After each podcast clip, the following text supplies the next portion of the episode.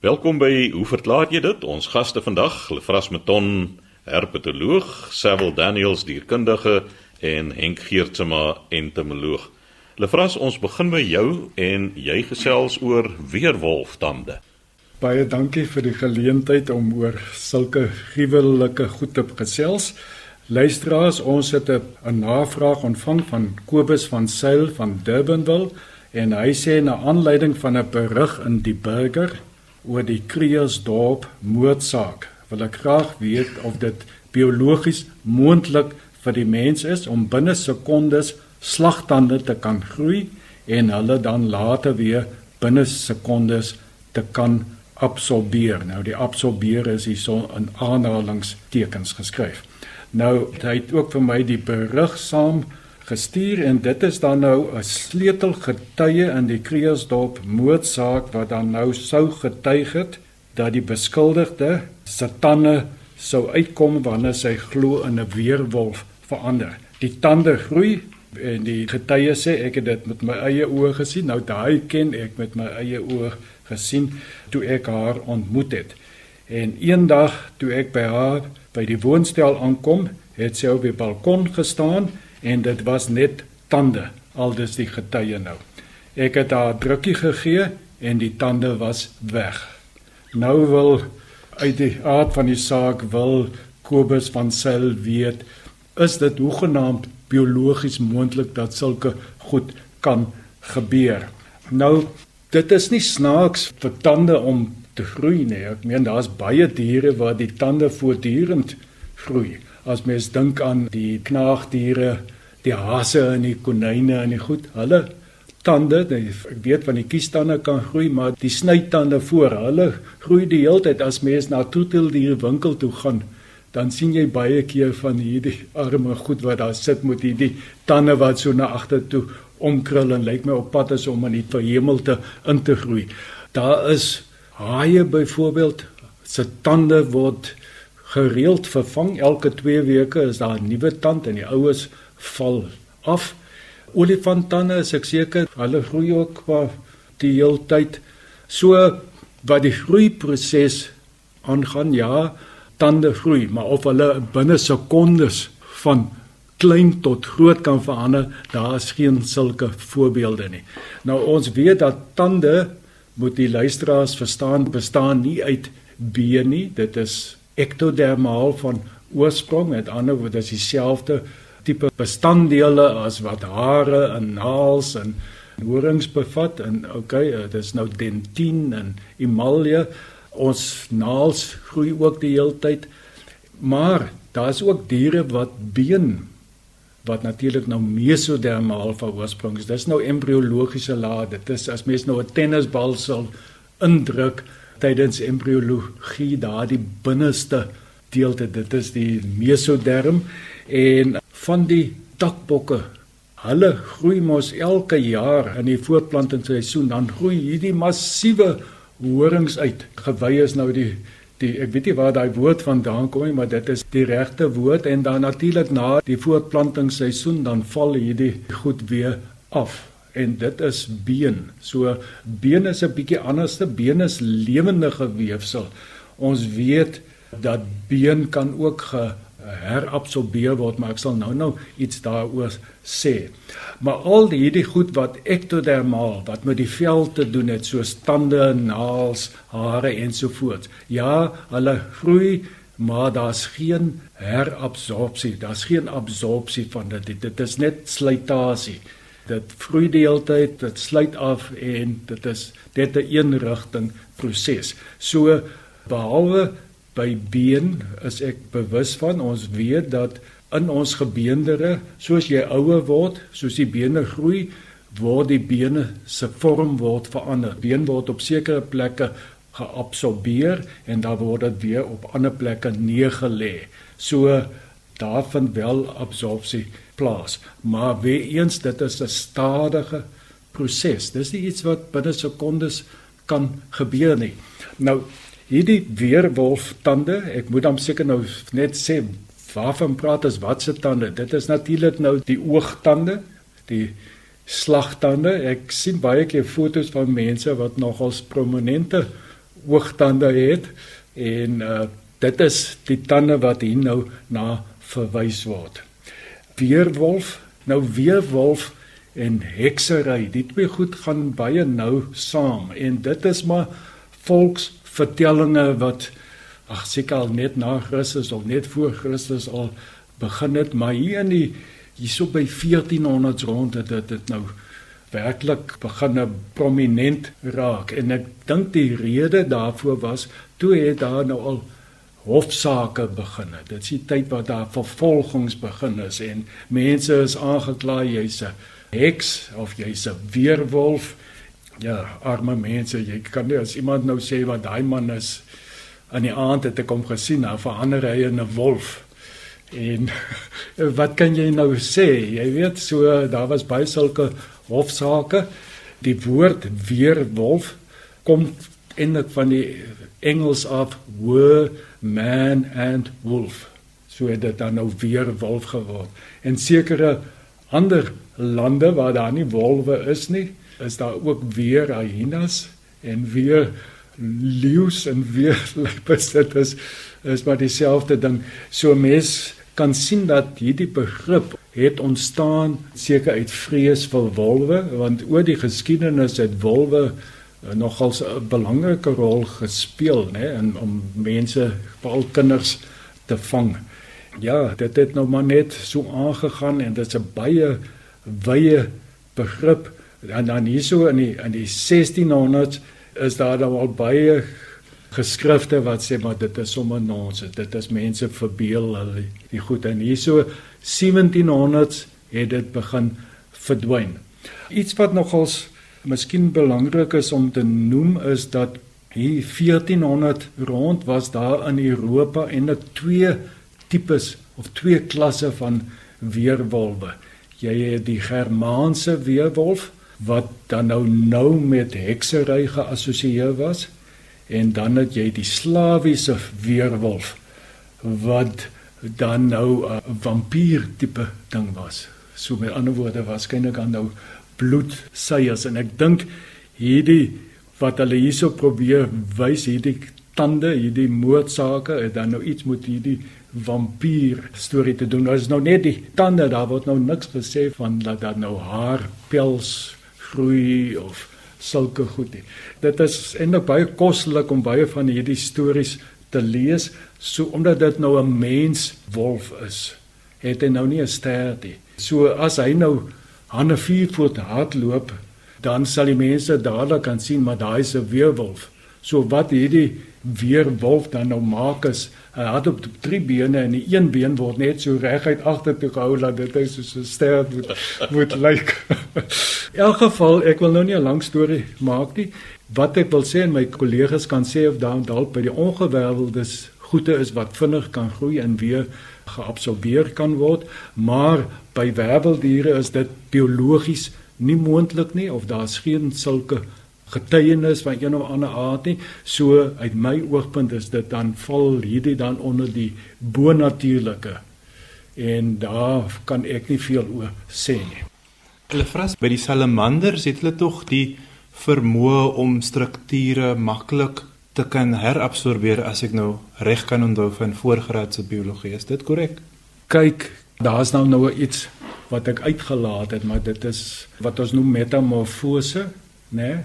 Dit is 'n paddavis en dan word al daardie strukture omvorm in iets heel anderste. Maar daar is sulke gevalle, maar dit is nie 'n enkele struktuur wat uitkom en weg Die kiewe kiefelemente byvoorbeeld by die salamanders kan wanneer die omgewing weer beter is kan geherabsorbeer word as ek mooi kan. Hoe dit ook al sê, dit is alles stadige prosesse. Hmm. Dis nie iets wat sommer binne sekondes kan gebeur nie. Die Frans het groot geword in Kruisdorp tot my skande. Jy kry winkels wat hulle fop tande verkoop. Ek dink dis wat daar gebeur het. Die tweede opmerking wat ek wil maak, Jy weet, mense gebruik baie keer die woord ongelooflik. In hierdie geval is hierdie getuienis volgens my ongelooflik. Met ander woorde, ek glo dit nie. Ja, so gesels Lefras Meton, ons herpetoloog. Sewel hoenderboutjies. Christus die vraag van Mark Oosthuizen uit Port Elizabeth. Hy sê dat hy baie hou van 'n gebraaide hoenderboutjie. Maar hy kom agter dat aan die agterkant van die hoenderboutjie is 'n baie dun beentjie. Hy wil graag weet wat hierdie beentjie is en wat die funksie daarvan is. En dan ten laaste vra hy ook net of die vader die hoender so geskape het met 'n ingeboude tandestokkie wat ek dink nogal komies was. In elk geval, die dun beentjie wat hy nou na verwys is natuurlik die fibula wat in die agterkant van die tibia voorkom. Nou gewoonlik by die tetrapode in die looppote in elk geval het jy die die situasie dat die endoskelet uiteraard daar is vir spieraanhegting waar die spiere nou aan die endoskelet heg en in hierdie geval dan nou in die looppoot ingaan. Maar as 'n mens nou dink aan 'n hoender se voet, sou 'n mens sê of 'n poot liewer, sou 'n mens sê werklik dan is 'n groot hoeveelheid spiere wat daarmee geassosieer word nie. Daar's 'n klomp ligamente en kraakbeen wat teenwoordig is. Dit is absoluut korrek. Ek het ook gekyk uit 'n filogenetiese oogpunt of die fibula dan nou teenwoordig sou wees of afwesig in diere wat sou vlieg soos baie voëls uit die aard van die saak vlieg maar daar's ook die wat dan nou nie kan vlieg nie soos byvoorbeeld by die volstryse. Maar uit 'n evolusionêre perspektief uit lyk dit of hierdie beentjie redelik kan varieer in grootte. Hy kan gereduseer wees soos in die geval van die hoender natuurlik wat ook goed kan vlieg. So dit lyk maar of hierdie verandering ten opsigte van die fibula 'n redelike wye verspreiding in die voelryk het en dat dit nie noodwendig iets te doen het met 'n aanpassing vervlug nie. Maar Lefras, jy's 'n jy's 'n duifkenner, so jy kan miskien vir ons 'n bietjie meer sê wat jou opinie is oor dit. In die eerste plek, Seville is dit vir my 'n baie ongelukkige benaming boutjie, want dit is nie 'n boutjie nie. dit is 'n kuit, dit is die kuitspier. Hoenders het 'n verlengde voet, so dit wat jy sien is alles voet. En jy kan eintlik nie die die onderbeen sien nie, weet hy sit half onder die vere in. En die boutjie is die duie. Dit is die bout. So ja, dit is 'n ongelukkige benaming. Ek dink die mense wanneer hulle weer dan nou hoene gaan koop, vra bietjie daar, jy soek uh, hoenderkuite en dan kyk ons want dit is die regte naam. Dit as jy dink so hoender bou dan moet hy vir jou duie gee. Ons praat nou van die Engels, die drumstick. Nee, Engels is korrek want dit sê nie dis boude nie. Met ander woorde, jy moet daai boutjie dan nou sien as jou onderbeen, daar is mos twee bene. Die een is dikker as die ander en jy kan maar gaan kyk daar na 'n mens skelet. En uh dit is nie snaaks nie. Dit is by die by eintlik by al die werveldiere so, die landwerveldiere. Met ander woorde, die fibula, die klein tandestokkie by 'n hoender As jy dit nou by 'n volstruis het, kan jy die fibula gebruik vir 'n tentpen.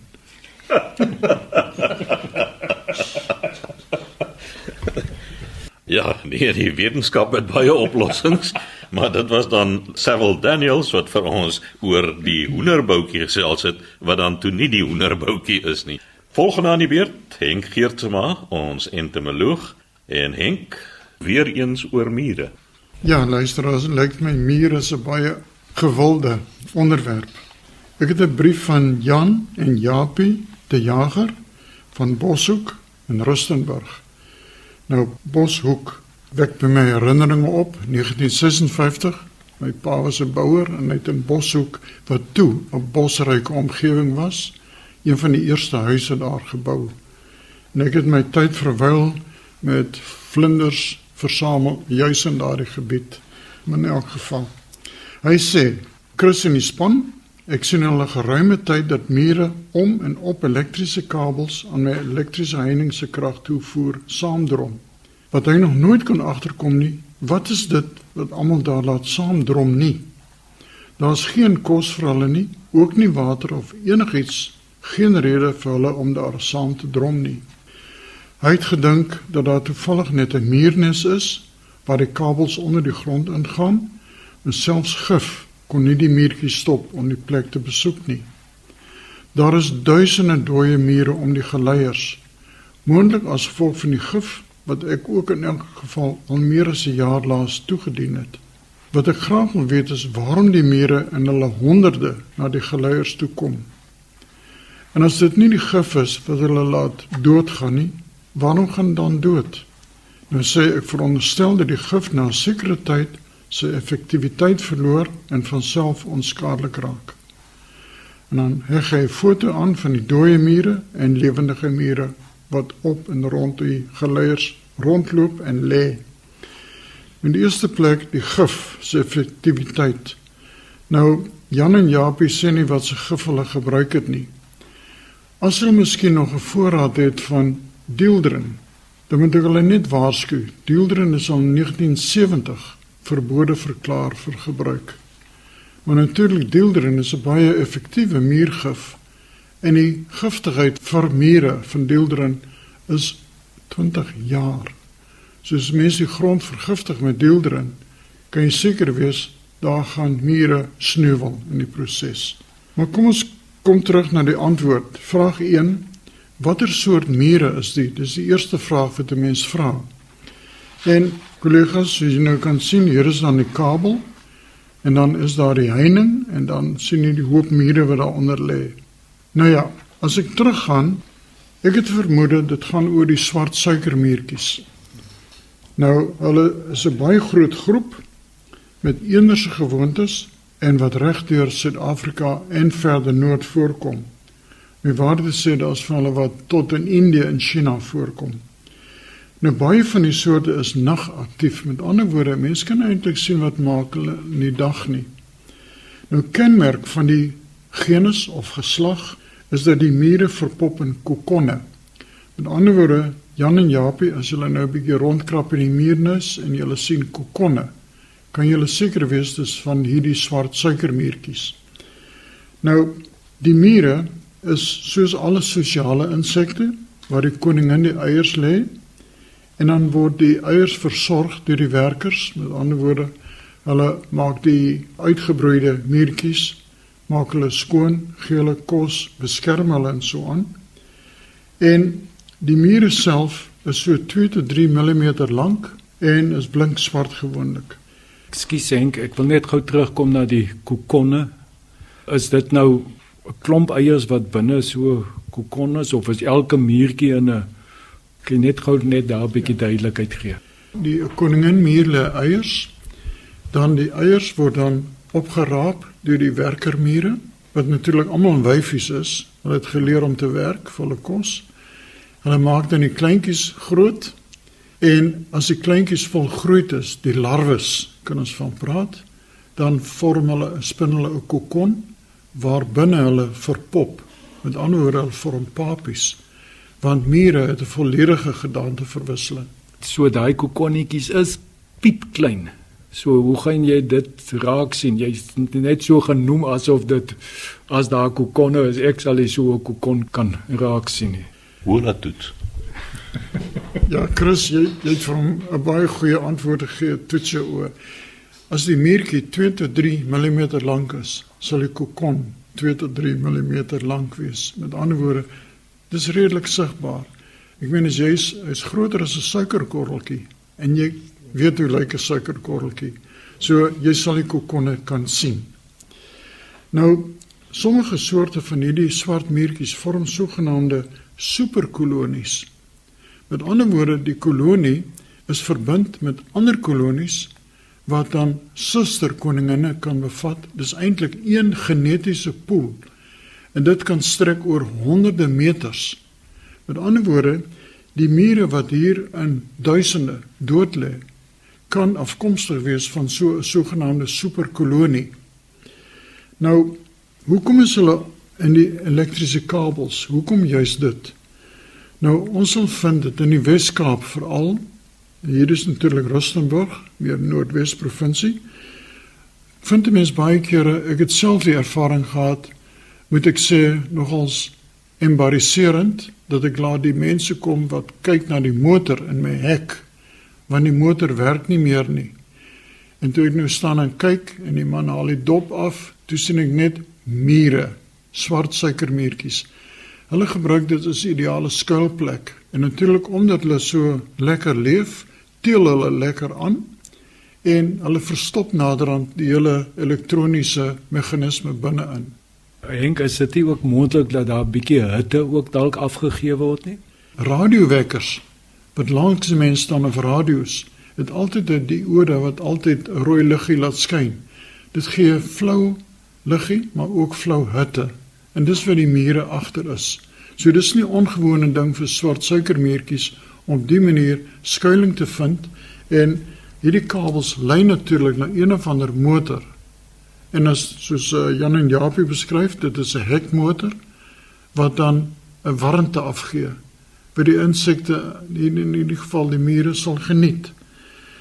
En natuurlik gee dit skuilings en is vogtig. Met ander woorde, uitdroging is nie 'n probleem nie. Dit gee skuilings teen ander diere en so aan. En weer eens my vraag is watter gif is gebruik? En dan om hierdie probleem te keer. Jan en Japie gebruik terpentyn of nog beter parafin en verf dit om die kabels. Met ander woorde jy vorm jy skep 'n omgewing wat onvriendelik is vir die mure. So 'n bietjie terpentyn of parafin sal hulle wegjaag van die plek af. Met ander woorde maak jy omgewing so onvriendelik moontlik. Dit gaan werk, maar moenie weer gif gebruik nie. Ek het ook al baie gehoor dat of ook gesien dat geitjies, klein geitjies dieselfde doen dat hulle ook lief daarvoor is om in hierdie kaste kontrole kassies van hekke te skuil en dan het ek gehoor met mes motballe insit. Sou dit werk, Henk? Ja, motballe is natuurlik naftaleen. En naftaleen gee skerp reuk af. Insekte hou nie van naftaleen nie. Maar nog beter is paradichlorobenzol. Maar dit is lewerkankerverwekkend. So moet dit liewes nie gebruik nie. Gebruik naftaleen motballetjies. Dankie Jan en Japie. Dankie vir my terugdink aan 1956 aan my dierbare pa. So sê Henk Geertsma, ons entomoloog, die tyd het ons ingehaal. Skryf gerus aan, hoe verklaar jy dit? Posbus 2551 Kaapstad 8000 of stuur 'n e-pos aan chris@rsg.co.za.